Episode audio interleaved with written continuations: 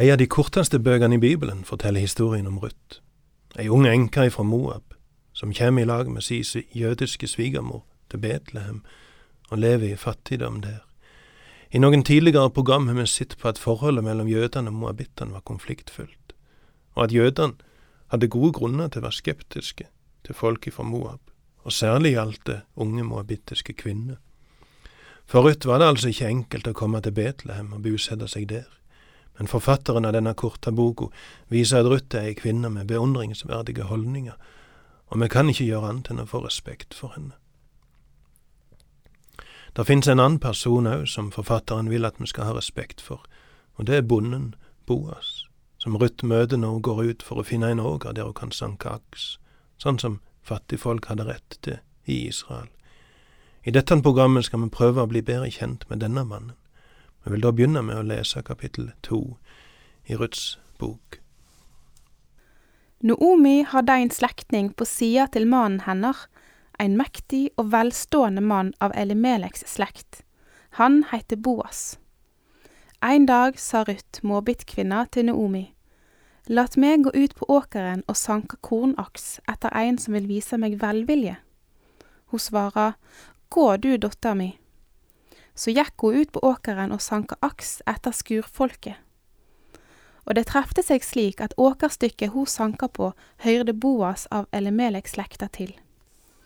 Boas var nett kommet fra Betlehem. Han sa til skurfolket, Herren være med dykk. De svarer han, Herren velsigne deg. Boas spurte oppsynsmannen over skurfolket, hvem høyrer denne unge kvinna til? Oppsynsmannen svarer, det er den unge Moabit-kvinna som kom tilbake med Noomi fra Moab. Hun ba, lat meg få plukke og sanke aks mellom kornbånda etter skurfolket. Hun kom i dag tidlig og har stått her heilt til nå. Bare ei lita stund har hun vært inne og hvilt seg. Da sa Boas til Ruth, Høyr, dotter mi, sank ikke aks på noen annen åker. Gå ikke herifra, men hold deg til mine tjenestejenter. Sjå kvar på åkeren skurfolka arbeider, og følg etter dei. Eg vil bya karene at dei ikkje får røre deg. Blir du tørst, så gå bort til krukkene og drikk av det som tjenestefolket auser opp. Da kasta hun seg ned med andletet mot jorda og sa til han, Kvifor ser du på meg med velvilje og tek imot meg enda eg er ein framann? Boas svarer henne, Dei fortalde meg meir enn ein gang om alt du gjorde for svigermor di etter at mannen din døde. Du forlet far din og mor di og fedrelandet ditt og drog til et folk du ikke kjente fra før. Herren skal løne deg for det du har gjort. Måtte du få fullt vederlag for Herren, Israels Gud, nå når du er kommet for å søke ly under Hans venger. Hun sa, Måtte du fremdeles sjå på meg med velvilje, Herre, for du har trøysta meg og snakka venleg til tjenestekvinna di, enda jeg ikke engang er som ei av kvinnene i tjenesta di. Da tida var kommet for å ete, sa Boas til henne, Kom hit og ete brødet og dypp stykket ditt i vineddiken. Så satte hun seg ved sida av skurfolket, og Boas gav henne rista korn. Hun åt og vart mett, og hadde enda noe att. Da hun reiste seg for å sanke, ga Boas denne beskjeden til tjenestefolka. Også mellom kornbanna kan hun sanke, plag henne ikke. Ja, det kan dra ut aks or kornbanna og la dei ligge att så hun kan plukke dei opp. Ingen må truga henne. Så sanka Ruth aks på åkeren heilt til kvelden. Da hun banka kornet ut or aksa, vart det om lag ein efa bygg. Hun bar det med seg inn til byen, og svigermor hennar fikk sjå det hun hadde sanka. Så tok Ruth fram det hun hadde til overs, etter at hun hadde etet seg mett, og gav henne det. Da sa svigermor hennar, Kvar har du sanka i dag, og kvar har du arbeid? Velsigna er han som har vilja kjennast ved deg. Så fortalte hun svigermora hvem hun hadde arbeid hos. Hun sa, Den mannen jeg arbeider hos i dag, heiter Boas. Da sa Noomi til svigerdattera si, Han skal være velsigna av Herren, som ikke har holdt opp med å vise miskunn, verken mot de levende eller de døde. Og Noomi la til, den mannen er i slekt med oss. Han er en av løysingsmennene våre. Da sa Ruth Måbitkvinna, han sa òg til meg, Hald deg til mine folk, heilt til de er ferdige med heile mi skurdon. Da sa Noomi til Ruth, svigerdotter si, Det er godt, dotter mi, at du går sammen med tjenestejentene hans, så du slipper å lia vondt på annen manns åker. Så heldt hun lag med tjenestejentene til Boas og sanka aks til bygghausten og kveitehausten var over, og hun vart buende hos svigermor si. Det første vi får høre om Boas, er at han er en slektning av Ruth, sin avdøde mann. Dette er en viktig opplysning, for i kapittel én i denne boka har vi blitt gjort oppmerksom på en skikk i Israel som gikk ut på at menn hadde ansvar for å ta seg av enka etter bror sin, hvis denne broren hadde dødd barnløs. Når vi får høre at Boas er en slektning av Ruth, sin avdøde mann, får vi et hint om at denne mannen har rett og plikt til å ta seg av Ruth. Vi får òg høre at han er mektig og velstående, og vi skjønner at han har ressurser til å hjelpe de to fattige enkene. Når vi leser videre, ser vi, ser vi flere små detaljer som i lag tegner et bilde av en usedvanlig fin person. Vi ser gudsfrykten hans, som kommer fram i måten han helser tjenerne sine på. For det er i hverdagen, ikke på søndags formiddag, at vi får det sikreste inntrykket av hva slags plass Gud har i livet vårt. Den enkle helsinga til arbeiderne let oss i et glimt få sjå en mann med ei gudstru som har en naturlig og sentral plass i hverdagen hans.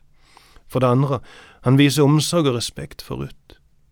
Her må vi kanskje understreke at han ikke gjør dette for å sjarmere henne, vinne hjertet henne, sette henne i et takknemlighetsgjeld og på sikt få henne til kone.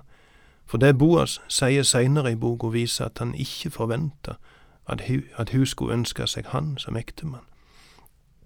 Omsorgen hans og vennligheten hans er derfor genuin, ekte, og ikke noe beregnende spel for å sikre seg noe sjøl.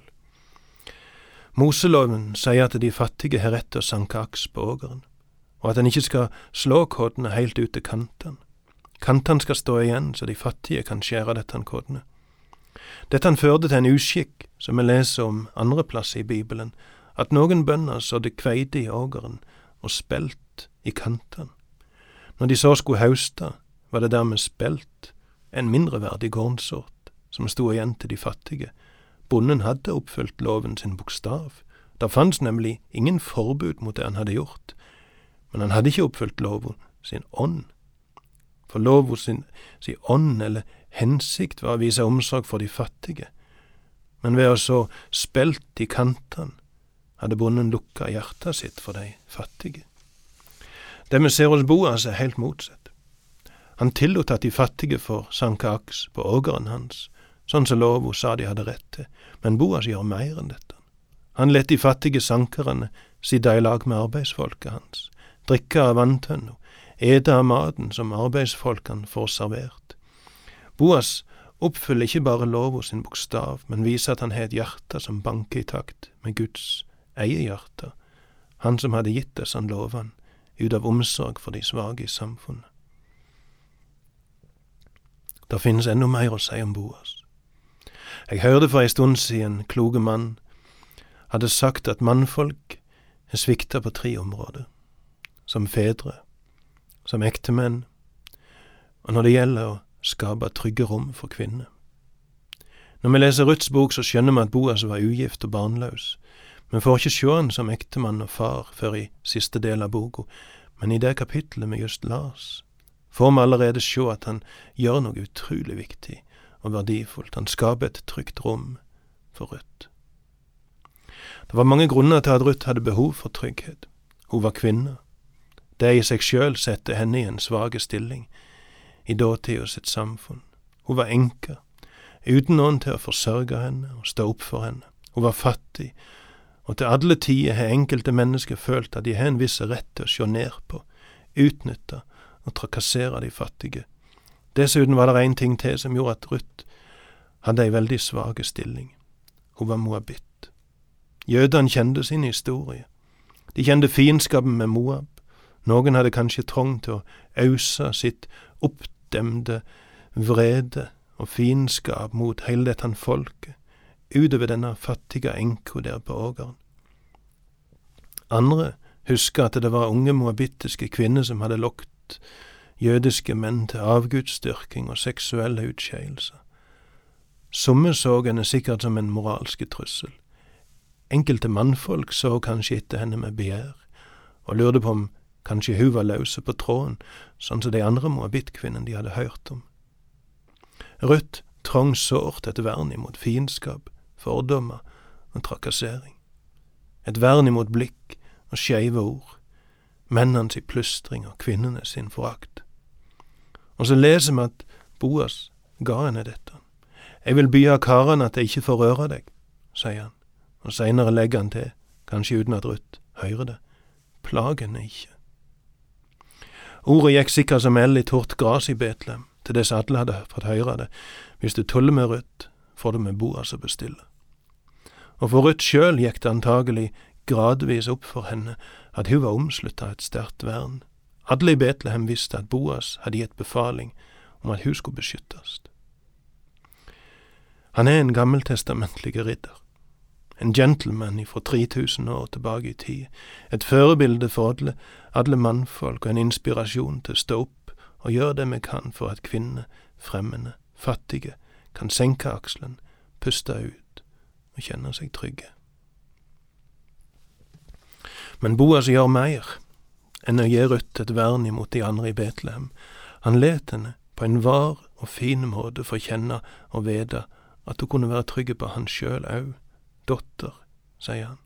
Og dermed går han inn i en farsrolle, og fjerner med ett eneste ord all mistanke om at han ser på seg sjøl som en beiler, og henne som et koneemne. Dotter. Dette ene ordet gjorde at Ruth kunne kjenne seg fullkommen trygge på Boas sin åger.